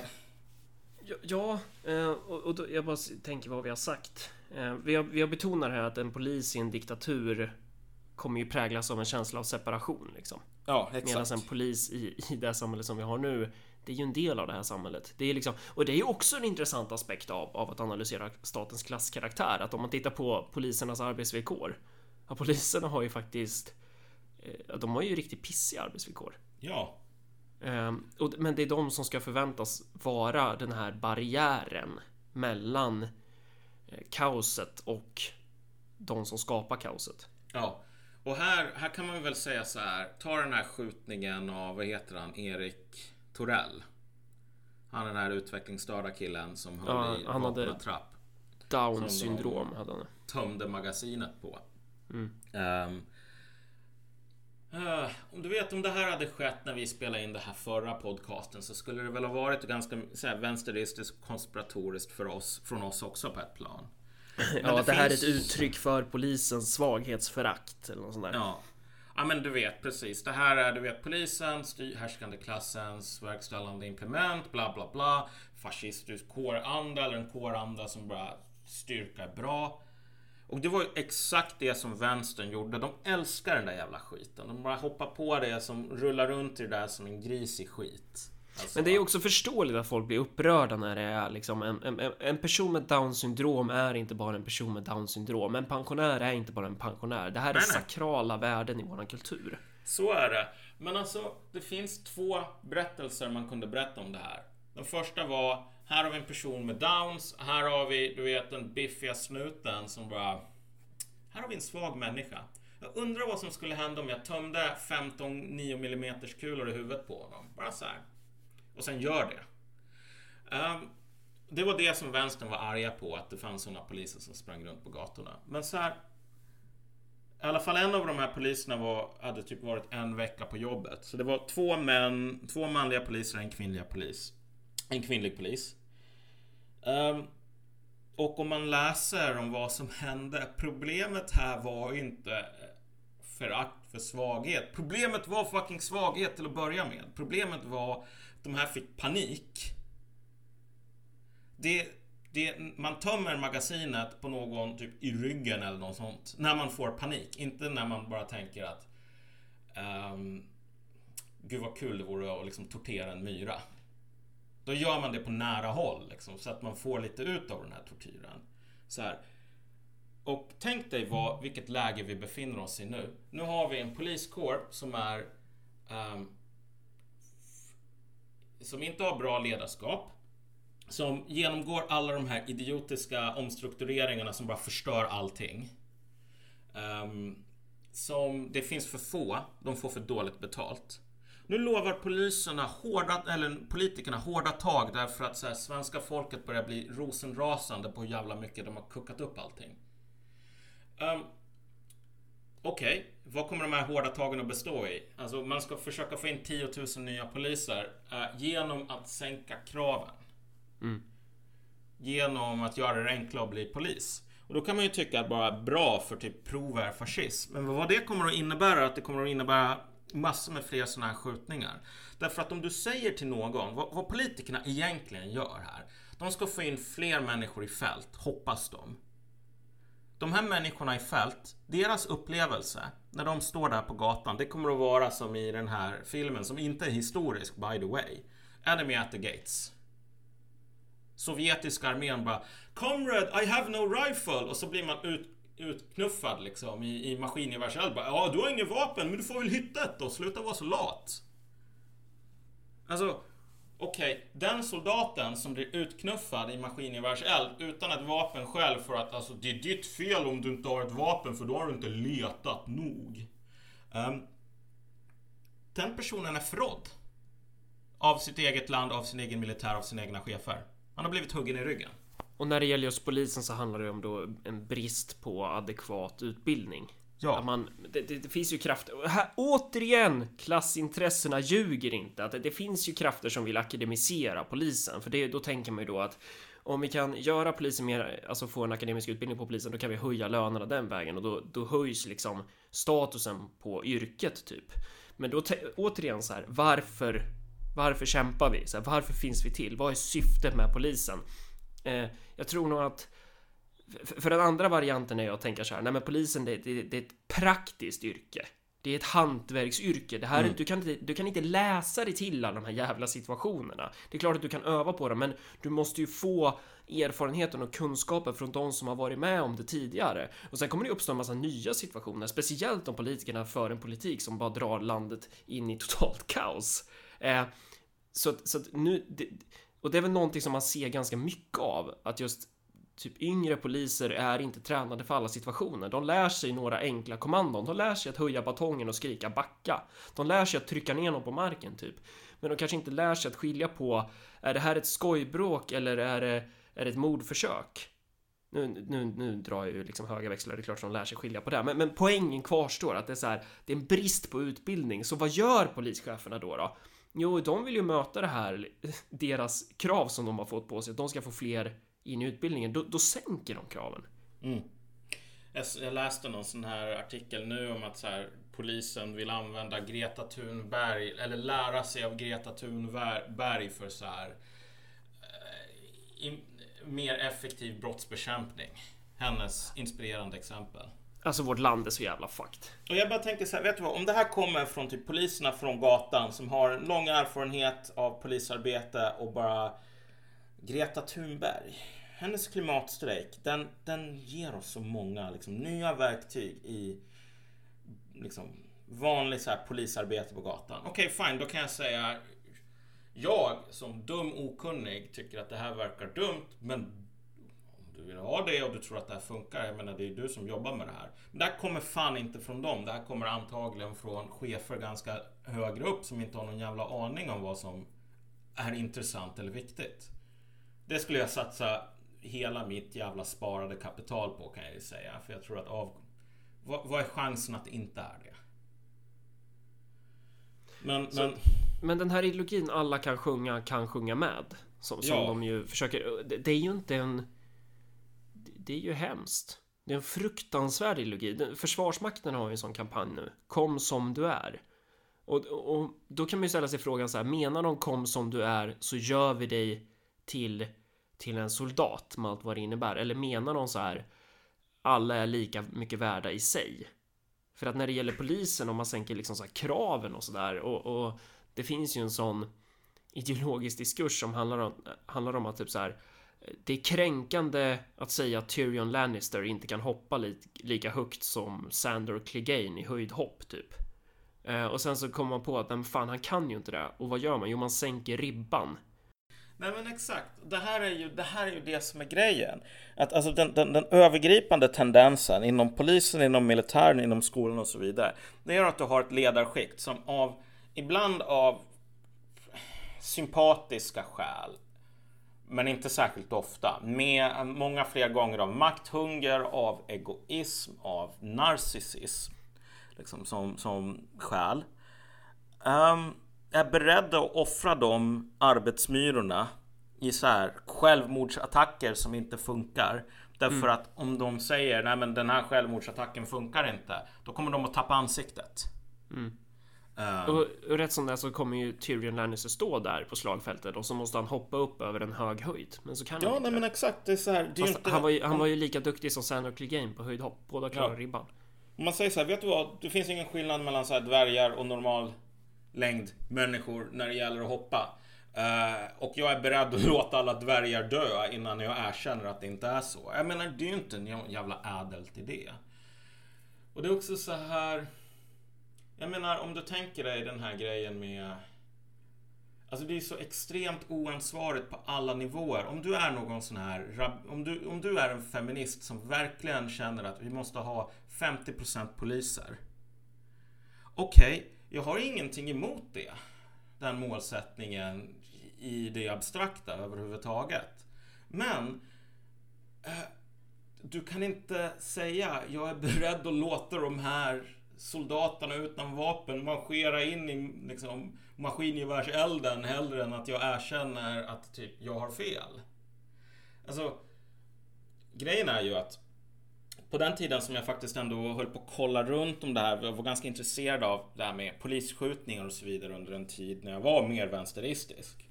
Så håller jag på att kolla på, det finns en polis som jag tyvärr har glömt namnet på som var i militären, vilket är ganska vanligt, gick över till polisen efteråt, vilket också är en av de vanligaste liksom, inkörsportarna till polisen i USA. Och han var alltså i Baltimore och Baltimore är ju inte den mest våldsamma staden i USA, men det tillhör ju alltså, elitserien. Ehm, um, St. Louis är typ ett annat universum, men det är St. Louis. Men han var i alla fall i Baltimore. Det, det är jävligt illa där. Och han försökte ju, han, han hoppade ju av polisen sen. Men när han hade hoppat av, hans grej var ju att försöka typ föreläsa och liksom utbilda och se till så att det är mindre så här poliser som skjuter barn i huvudet. Liksom för att de tror att det här barnet har ett vapen eller någonting. Och han sa ju, och, och, och jag tror han har väldigt rätt där, att alltså det, om du håller på och tjatar om du vet polisen som är galna rasister som hatar svarta barn. Typ. Alltså, du, du kommer aldrig komma någon vart. Det stora problemet är att polisen, det, det är rädsla.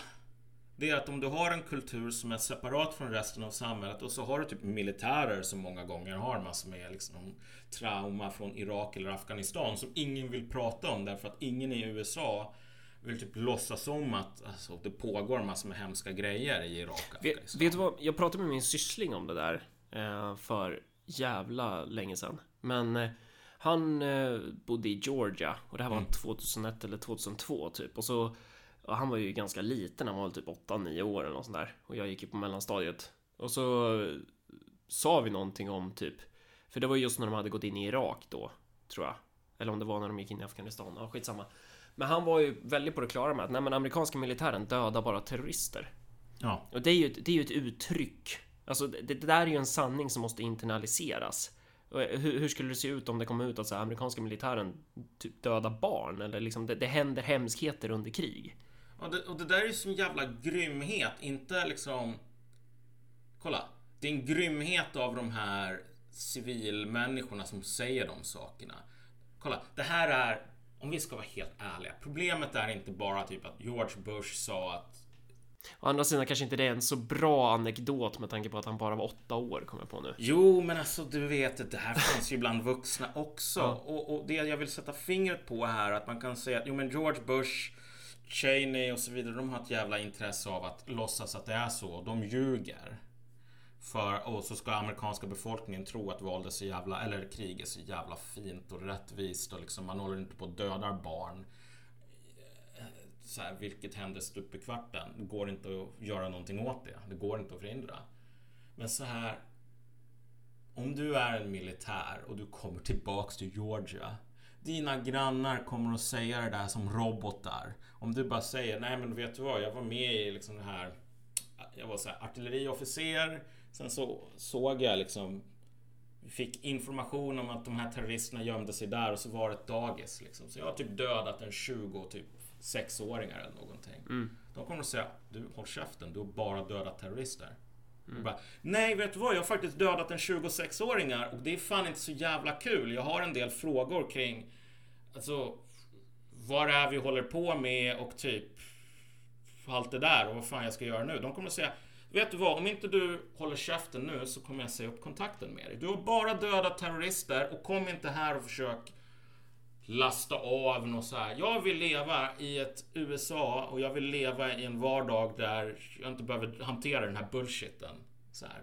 Det, är en, det är en enorm själviskhet i såna här samhällen faktiskt. Och den själviskheten kan man inte bara lägga hos eh, ledarskapet här i Vita huset. Sorry, jag köper inte det för fem sekunder. Jag tror att väldigt många människor vill vända bort blicken. Eh, för att Ja, dels för att man inte vet hur man hanterar de här grejerna, men sen också för att man inte vill hantera dem, ärligt talat. Ehm, så liksom den här idén om att bara du kan sticka en påle i hjärtat på typ Dick Cheney så kommer resten av de här, eh, den förslavade befolkningen att bli fri. Bara nej. Um,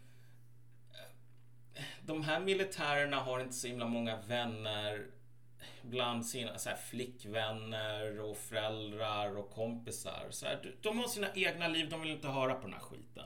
Vilket är en stor del av problemet. Men vad, vad avbröt jag dig när du pratade med han som var instruktör? Han som Ja, föreläste? jo, nej men han som var instruktör menade ju bara att du kommer inte att kunna, inga antirasistiska kurser i världen kommer att få ett slut på de här skjutna svarta barnen. Därför att alltså, newsflash, vita skjuts lika mycket som svarta. Um, jag såg svarta är överrepresenterade i polisskjutningar i termer av befolkning, men de är inte överrepresenterade i termer av fattiga människor. Uh, det är fattiga människor som skjuts och ett av de delstaterna som jag tror det skjuts mest av polisen är typ Arizona. Där finns en mindre än 5% svarta. Um, så uh, det där är lite grann grejen. Alltså att Det blir väl så också när alla har vapen kanske också? Jo, alla har vapen och grejen är ju att alltså, även om alla inte har vapen på sig 100% om du har en poliskår som det hela tiden inpräntas för det första. Ni är jävla space aliens psykologiskt, kulturellt på vissa sätt. Många kommer från militären och polisen fostrar sin egen liksom, kultur av att vara separata från samhället. Du börjar med det och sen så börjar du hela tiden med så här att typ alla har vapen på sig, alla har vapen på sig. Om du inte, gör, om du inte drar din jävla revolver och skjuter först, då kommer du att bli skjuten. Om du har den grejen eh, spelande i huvudet på dig hela tiden. Eh, då kan du lätt få panik och när du får panik då har hjärnan, reptilhjärnan bara två saker den kan göra. Den kan antingen slåss eller så kan den fly. Tangent på det här med alla vapen. Han den där sysslingen för övrigt, han sköt sig själv sen. Han Ja. satt och lekte med en pistol, eller han satt typ och pillade med sin pistol eller någonting. Bara, bara den grejen, han var så här, sitter med en pistol hemma. Och sen så hade han lyckats skjuta sig i huvudet om jag förstod det rätt. Så det. Ja, det var inte så jävla bra. Nej, träligt. Men Nej, så... det, har ju varit, det har ju varit mammor som har blivit eh, skjutna av sina... Barn liksom för att... Ja, nej men alltså, men, men för att göra en annan tangent här som faktiskt, alltså det, det, det här är en av de gångerna som jag har blivit som mest bara ställd och känt mig som mest dum och eh, nej men bara typ knappt kunna kolla mig själv i spegeln efteråt.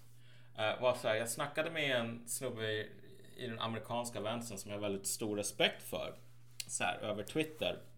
Han heter typ Shia LaBeefsteak eller någonting sån här minikändis inom den amerikanska Twitter. Men, men så här jävligt smart tänkande person. Och jag som den här dumma europeen så är bara, ja men ni amerikaner ni har så jävla mycket vapen. Och jag, jag, jag kommer ihåg att jag drev lite grann med, med just det här med um, den här mamman som typ blev skjuten av sin egen så här ehm, typ tvååriga son. Som liksom kom åt handväskan där en osäkrad pistol med en kula i, i kammaren liksom låg. Och så bara kom man åt den lite fel. Okej, den här kulan, den liksom, pistolen avfyras direkt. Um, och han bara sa så här, någonting som jag aldrig hade tänkt på tidigare. To my great shame. Liksom, till, min, till min jävla... Eh, jag hade inte tänkt på det innan, vilket är att kolla. Fattar inte du att det finns en jävla klassaspekt med det här? Alltså, visst skratta åt rednecks, pistoler, skjuter sig själva. Har du tänkt en sekund här på att det här är en privatisering av säkerhetsfunktionen som har skett i USA? Vilket är att du har den här liksom, du har gängvåld och så har du alltså det är ju liksom ett jävligt våldsamt samhälle. Och visst, typ polisen kommer på ett sätt som den inte gör i Sverige, men alltså våldet är på riktigt. Alltså mycket av den här vapenkulturen som typ vänstern avfärdar som macho är typ i slutändan att man från de styrande sida har sagt att så här, vet du vad, alltså säkerhet är någonting som man ordnar själv. Och jag bara, shit. Fuck! Jävla skit, sa jag till mig själv då. För att alltså så här, okej. Satt du där, scrollar upp och läste din egen tweet då också och bara kände hur du svettades. Ja, nej men alltså, nej, nej men det var verkligen, jag bara... Fan i helvete, jävla skit!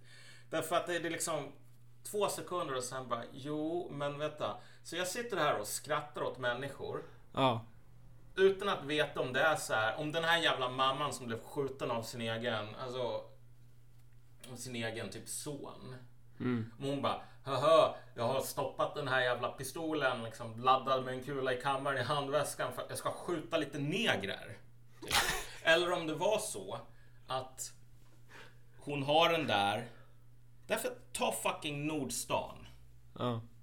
Nordstan ehm, med alla de här marockanska gängen. Jag vet inte om de hängde, hänger där. Men det, det ju, var ju en grej förut. Liksom. Det var ju en av de här första bilderna på det nya Sverige inom citationstecken. Och där är det så här att kvinnor typ hoppar av. Ehm, liksom slutar jobbet där. Alltså de kan inte stänga själva för att dryger, driver runt de här jävla gängen. Och vad gör vänstern? Vänstern säger så här, ni ska hålla käften och så ska ni luta er tillbaks och tänka på England. Liksom, för att om ni håller på och säger att det finns massor med gäng med marockaner och afghaner som håller på att typ våldtar er, då är ni rasister. Okej, vi kör den logiken i tio år till, Marcus. Och så har vi det här, ja men om du utsätts för någonting, ja men då får du väl fan se till så att du befinner dig på ett annan plats. Kan ju inte hålla på och lipa och säga att det är fel med massor med gäng som håller på och våldtar. Okej, vet du vad? Um, ponera att man kunde köpa vapen. Och att det finns någon sån här tyst bara, ja, liksom, vänstern skulle hålla på och skrika på um, liksom, blanda inte in snuten, blanda inte in snuten. Um, och sen så skulle man säga, ja men håll inte på att säga att de här problemen finns. Alltså du får, du får göra vad du vill så länge du inte säger att de problemen finns typ. För att vi, kan, vi måste bevara den här jävla farsen om att alltså, allting är så jävla fint. Okej, okay, i, det, i det Sverige, som inte är så himla långt ifrån det som vi lever i nu. Bara ett par saker som är annorlunda och sen så får de här tendenserna fortsätta. Många av de här jävla 19-åriga butiksbiträdena Tina skulle säkert kunna bli övertalade om att köpa någon sån här mindre revolver och stoppa i handväskan ifall någonting händer. Det är fan bättre att ha något man kan försvara sig med och så hoppas man att man inte behöver det. Okej, okay, tänk dig då om man eh, får höra, ja men vet du vad, bara gå till butiken, köp något jävla vapen, liksom whatever, det här är så himla enkelt. Eh, och så får man inte den här sortens träning som gör att okej, okay, men du kanske inte ska liksom ha en kula i kammaren hela tiden därför att om du tappar vapnet och det är liksom fel så här så kan du kan avfyras bara att du tappar i marken så kan du skjuta dig själv. Ska vi då sitta och hålla på och skratta åt de här jävla 19-åriga tjejerna som skjuter sig själva i huvudet när de tappar sin handväska bara Dumma macho-tjejer mm. som inte fattar. Alltså, och det var ju, och när jag insåg att det var ju i princip det som jag hade suttit och gjorde. Jag hatar fan mig själv där ett tag. Mm. Alltså, det, det, är en det... sund egenskap att göra. Men vad, vad tänkte jag?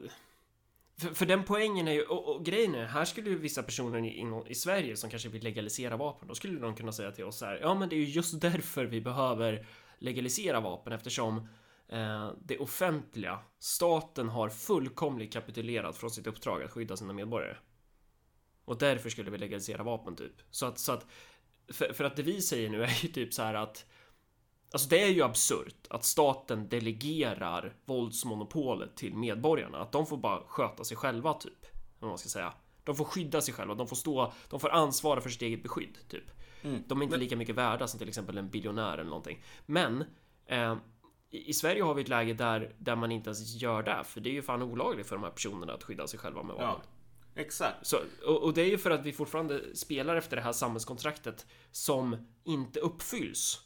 Och anledningen till varför det inte uppfylls är för att vi har ett gäng jävla parasiter i härskande ställning som delvis använder poliserna som liksom sin sina bondeoffer eller liksom handläggarna på Försäkringskassan eller alla de här människorna inom staten, hela den här väldiga byråkratin som man bara knuffar framför sig mm. mot det kaos som man skapar för att så här nära sina egna kar karriärer. Ja, och jag menar, kolla här är grejen. Nu, nu när man ska ha så initiativ med att få fler kvinnliga poliser till exempel.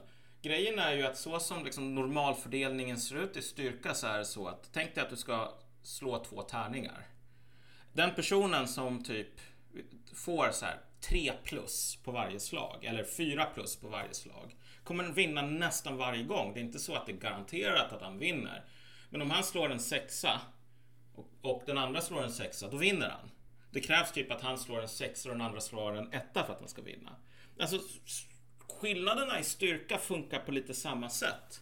Att de, alltså den genomsnittliga kvinnan som är ute på och liksom ska hålla på och haffa brottslingar kommer, om du inte jobbar extremt hårt för att bli starkare och vara svaga än i princip svagare än i princip alla jävla farliga brottslingar som stöter på.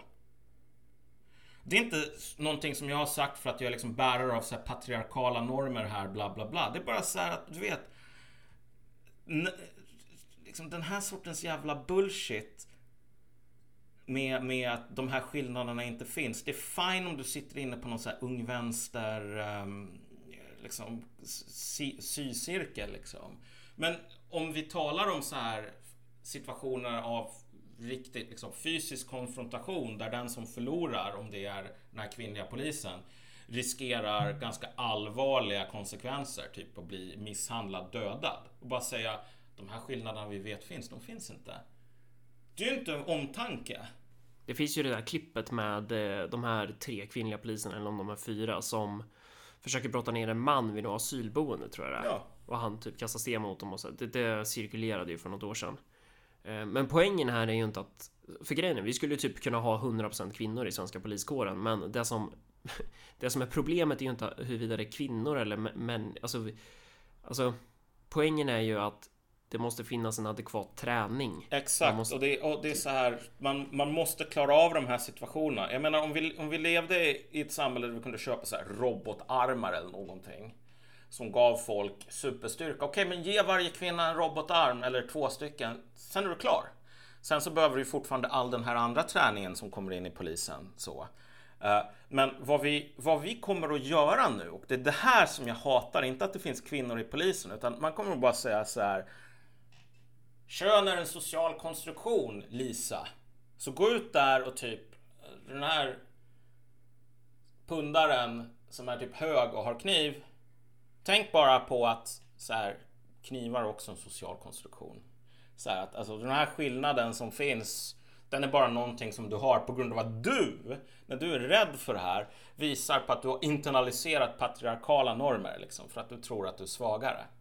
Och så här, vet du vad det kommer att leda till? Det kommer att leda till panik därför att typ alla vet att om jag kommer i närstrid med någon och han brottar ner mig, då det är över. Okej, okay, vad kommer folk att göra? De kommer att räcka sig efter sin jävla Sig Sauer och sen så kommer de att skjuta. Och i så här fall med eh, hemska, du vet, våldtäktsmän och mördare och så vidare som typ springer mot en. Okej, okay, det kanske inte är någon större förlust att man skjuter dem. Liksom, för att man inte har så mycket annat val och man är inte tränad så man får panik. Men vet du vad? Den här paniken kommer inte bara att begränsa sig dit utan det kommer att vara situationer där det är typ någon person som man säger vänd dig om och så gör han det på något så här lite för snabbt sätt eller någonting. Oh wow, jag får panik tar med 15 kulor och så visar det sig vara bara någon random bystander. Um, och vet du vad? Det kommer inte... Okej, okay, för det första, om du får den sortens våld. Det som kommer att hända det är att så här, vänstern kommer att säga här har vi den här manliga machokulturen. Uh, fuck snuten liksom. Nu ska vi anordna, så här, Sack ska anordna någon jävla... Ska ersätta polisen, vilket man inte kommer att göra. Och sen, du vet den här polisen som typ skjuter någon totalt försvarslös person. Kommer kanske att känna så här, vet du vad, jag gick fan inte med polisen för att bli en mördare. Jag, jag känner ett jävla agg mot polisledningen. Som bara sa, alltså du behöver inte lära dig någonting. Här, ta en Sig Sauer liksom. Det är inte så svårt. Uh, jag tycker fan att jag förtjänar mer än att få en jävla Sig Sauer och bara, ja men lycka till, det kommer att gå bra. För att jag vill inte hålla på och mörda folk. Så här. Precis som en jävla soldat i Enemy at the Gates kan känna sig ganska besviken på att man blir utputtad där i maskingevärdselden utan ett jävla träning, utan ett enda, liksom utan en vapen att skydda sig själv med. Mm. Så här. Hallå? Ja, hör du? Hör, hörs ja, eller? Ja, men alltså, jo, du, du, var tyst. Jag tänkte att du hade försvunnit eller jag Nej, sa jag sitter och säger mm, mm flera gånger. Men jag tror att det är typ att du inte hör mig när du pratar. Jag vet inte om det är något sånt. Ja, jag vet inte själv. Skitsamma. Det är, men, men, nej men precis. Alltså poängen är ju... Nej, så är det ju. Alltså... Och, och det, det, här, om, om du är... Var du klar där? Ja, precis. Eh, och en till aspekt i det här är, du, är ju då att... Det här är ju... Alltså... Poliserna nere på marken och de här handläggarna, det här är som sagt bondoffer. Det är de här personerna som politikerna vill offra för sitt projekt. För sitt personliga lilla projekt. De, de bryr sig inte om de här människorna. Eh, och då kan man ju välja att så här, pissa på de här människorna. Och vara helt ointresserad av att lyssna på dem eller försöka lösa även deras situation. När någonting sker så kan man välja att rikta vreden mot enskilda poliser. Eh, men frågan är om det löser problemet. Man kan ju också rikta vreden mot de som faktiskt bär ansvaret för att det är så jävla bristfälligt. Och det är ju, det är ju politiker som, som har skapat den här situationen. Ja. Det är, det, det är ju där vi är liksom. Det är, det är ju de där jävla kräken man ska rikta vreden mot. Och det är de där personerna som kommer vilja förvärra. Och när vi pratar, vi pratade ju om Vivalla-skolan förut. Alltså Vivalla, det är ju så här, det är ju en smält degel av sociala problem. Det är ju... Dels har vi de kulturella problemen, men sen har vi också de socioekonomiska som man brukar säga. Alltså fattigdom.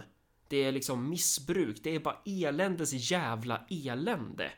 Och vilken typ av områden är de som fortsatt ska betala för den här migrationspolitiken? Jo, men det är områden som Vivalla. Man säger till de områdena, ni ska betala mer. Mm. Och det, det, är ju, det är ju det där som är det riktigt jävla äckliga i den här politiken. Ja. politikerna säger det finns inga problem, det finns inga problem och sen så när lärarna säger ja men vet du vad, jag har ett problem för någon har kört upp en kniv i låret på mig. Då bara håll käften. Ja. Luta dig tillbaka liksom... och tänk, till tänk på England liksom. Du får fan Och så säljer man in det här som om det skulle vara typ Antirasism. Eh... Typ. Ja. Eller något sådant.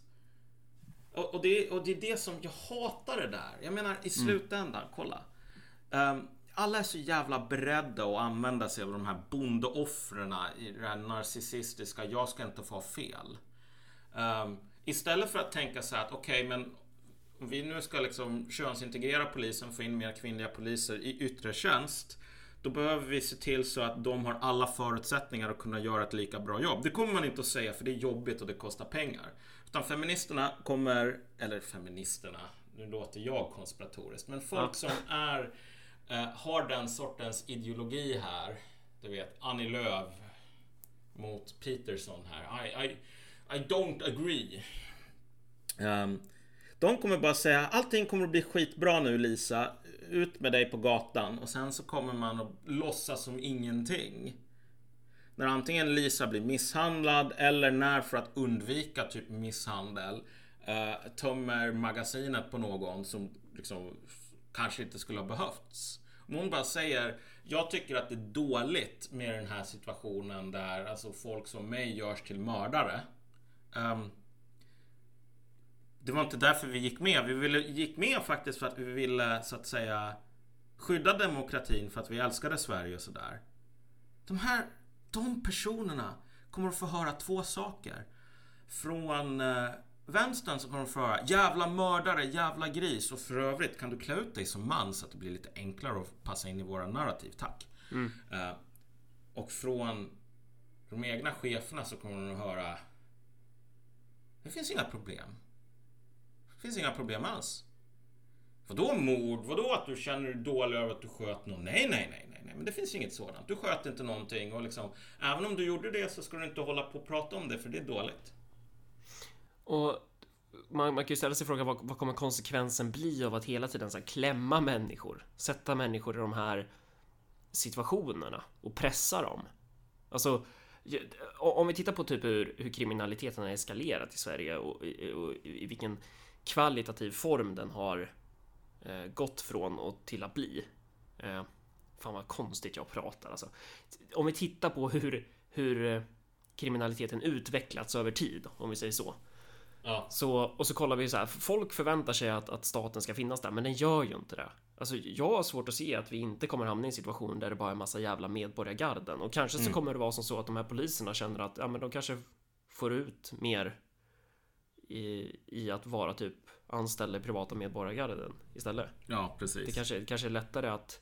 För att återigen så här, var, varför gör man det man gör? Ja, varför slåss en, man? Ja. Och grejen är att så som, så som våra ideologer ser ut eh, eller ideologier, alltså de här som håller på att basuneras ut från DN och från regeringskansliet. Allting sådant. Och så som våra politiker beter sig. Det enda man kan slåss för om man jobbar på Försäkringskassan eller i skolan eller på polisen. Det är inte det enda, men mer och mer.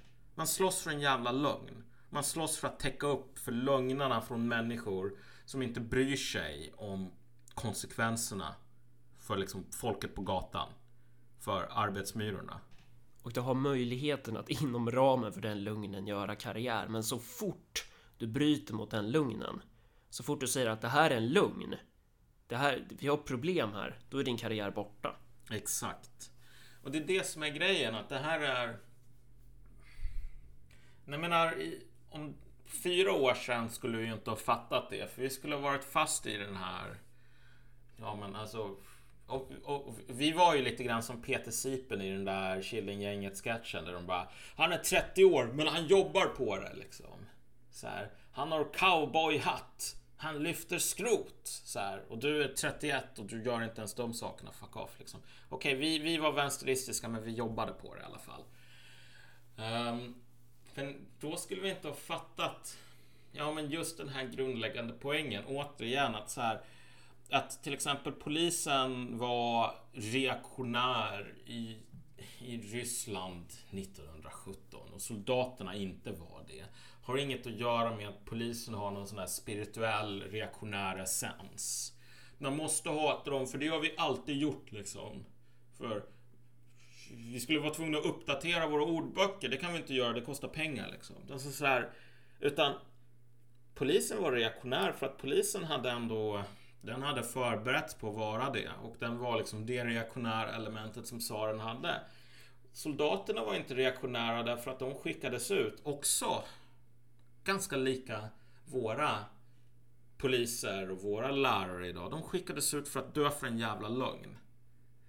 Uh, ryska imperiet var liksom supertrasigt. De soldaterna blev ju utskickade utan nog med vapen och ammunition och mat och liksom utan några förberedelser och liksom deras ledare tog ju inget ansvar för att typ planera eller se till så att de visste vad man skulle göra när det kom tyska maskingevär och, och liksom nya sätt att slåss på. Utan de, de var bara bondoffer. Bara skickades ut och dö. Um, du vet, känner du till den här låten Old Lang Syne? Eh, pass. Uh, men den här... We're all... Eller vad fan? Nu, nu får jag hjärnsläpp just när du sa pass, så jag kan inte ens melodin. Men alltså...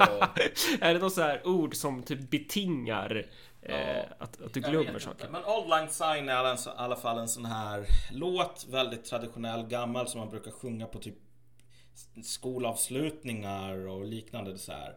Som handlar om så här gamla vänner, typ. Should all the acquaintance be forgot? Um, mm. Och på västfronten under första världskriget så började man liksom bittert sjunga alltså den. Den sången. Man bytte ut texten till We're here because we're here because we're here because we're here because we're here liksom. Fyra minuter, tre minuter av att sjunga We're here because we're here. Uh, till en jävligt alltså vacker, sorglig melodi. Men, men de här soldaterna, de var ju... De visste inte vad de slogs för. De satt där, de blev bombade varje dag. Satt i så här...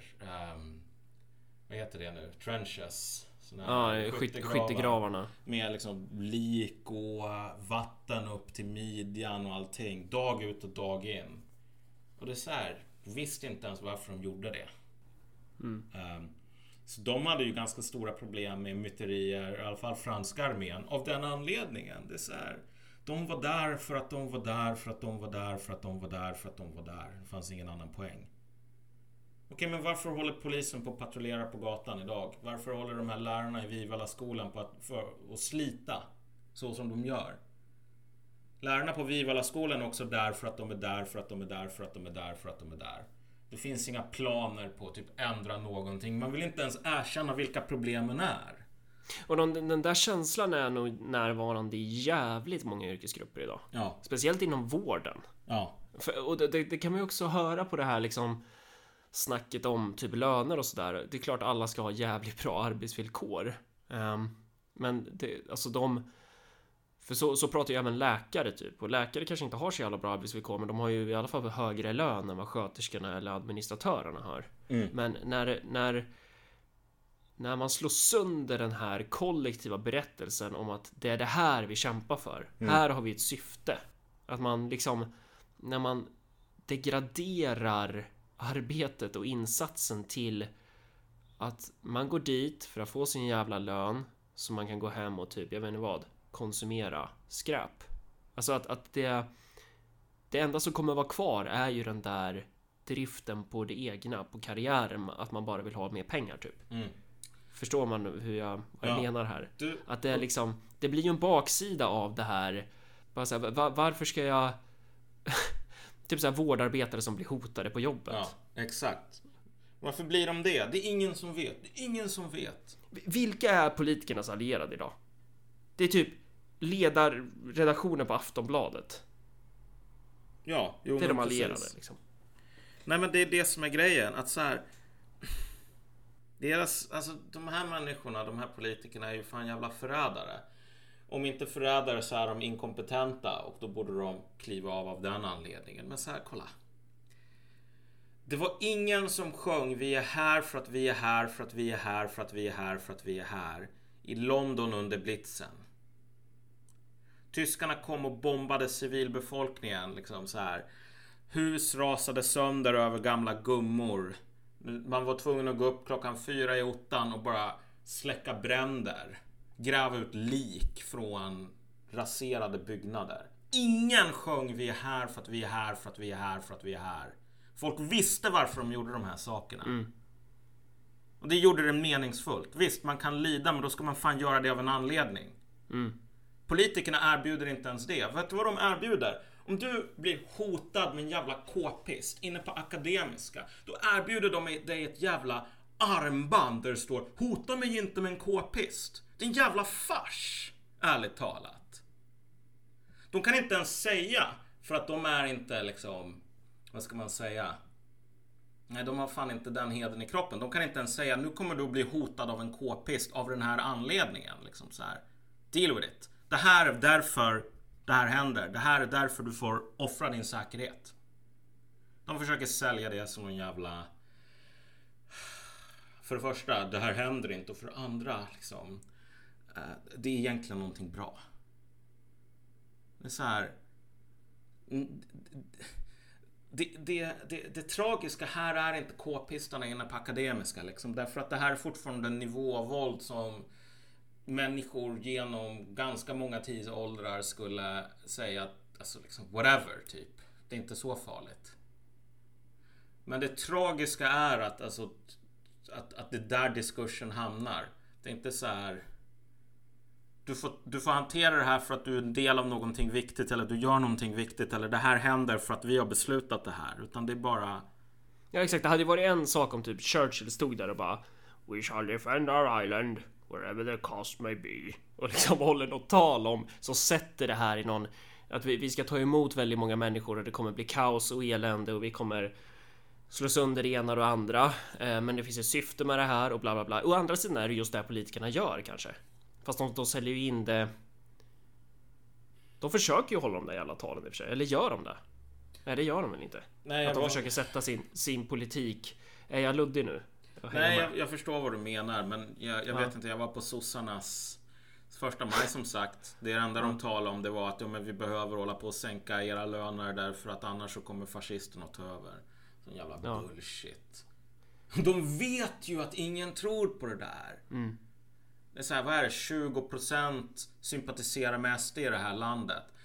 Eh, jag har själv det, och det har ju du också antagligen, så här, bekanta folk man träffar som man har respekt för som typ har gått med i SD eller röstat på SD. Ska jag bara typ ta en jävla eh, vad ska man säga, en, en högaffel och bara ha ihjäl dem för att nu är de onda fascister? Nej tack! Jag har fortfarande respekt för dem. Varför skulle jag inte ha det? Jag har ingen respekt för de här jävla lata sossarna som står där uppe på scenen och säger Vet du vad? Tony, han är hemsk. Men vi här, vi är bra. Fuck off! Just eftersom det inte finns något sånt narrativ som binder ihop allt det här. Som binder ihop. Därför ska du utsätta dig för fara. Därför ska du göra, för att om det hade funnits ett narrativ som folk trodde på, att vi gör det här som kollektiv. Hela jävla Sverige vill det här. Vi har alla bett om de här problemen och nu ska vi lösa det tillsammans. Då kanske, då kanske vi hade haft en annan form av diskussion nu. Ja. Eh, Men nu har vi inte det. Men det känns som vi har fått typ en poäng här och det, poängen är väl liksom att när man pushar människor, alltså det, man kan inte göra det ut i oändligheten. Det kommer ju bli konsekvenser. Och det, och det, ja, det är våran spaning. Det är liksom tesen. Det är väl det som är Ja. temat typ. Och också så här att jag menar, jag vet inte, när, när vi blir äldre, liksom, när fan blir gammal blir en religiös. Vi kanske skulle vilja bli så här vänsteristiska igen, vem vet? På 60-årsdagen eller någonting. Men alltså det är fan inte vårt jobb nu.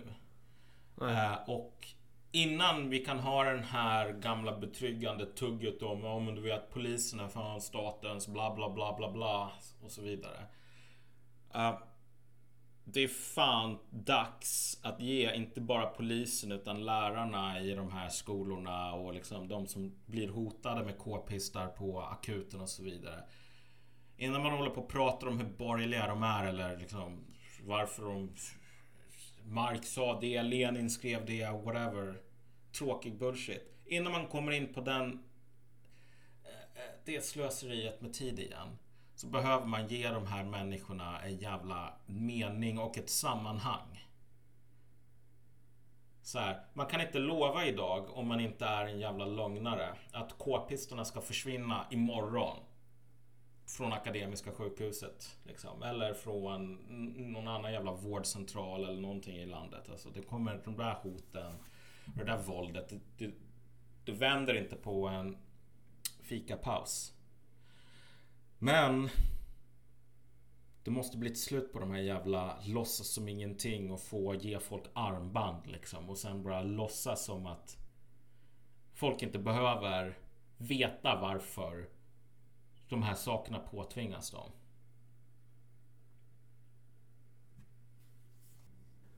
Ja. Mm. Då säger vi så. Eh, en till grej kanske. Eh, mitt avsnitt med Hur kan vi? Är ju ute nu.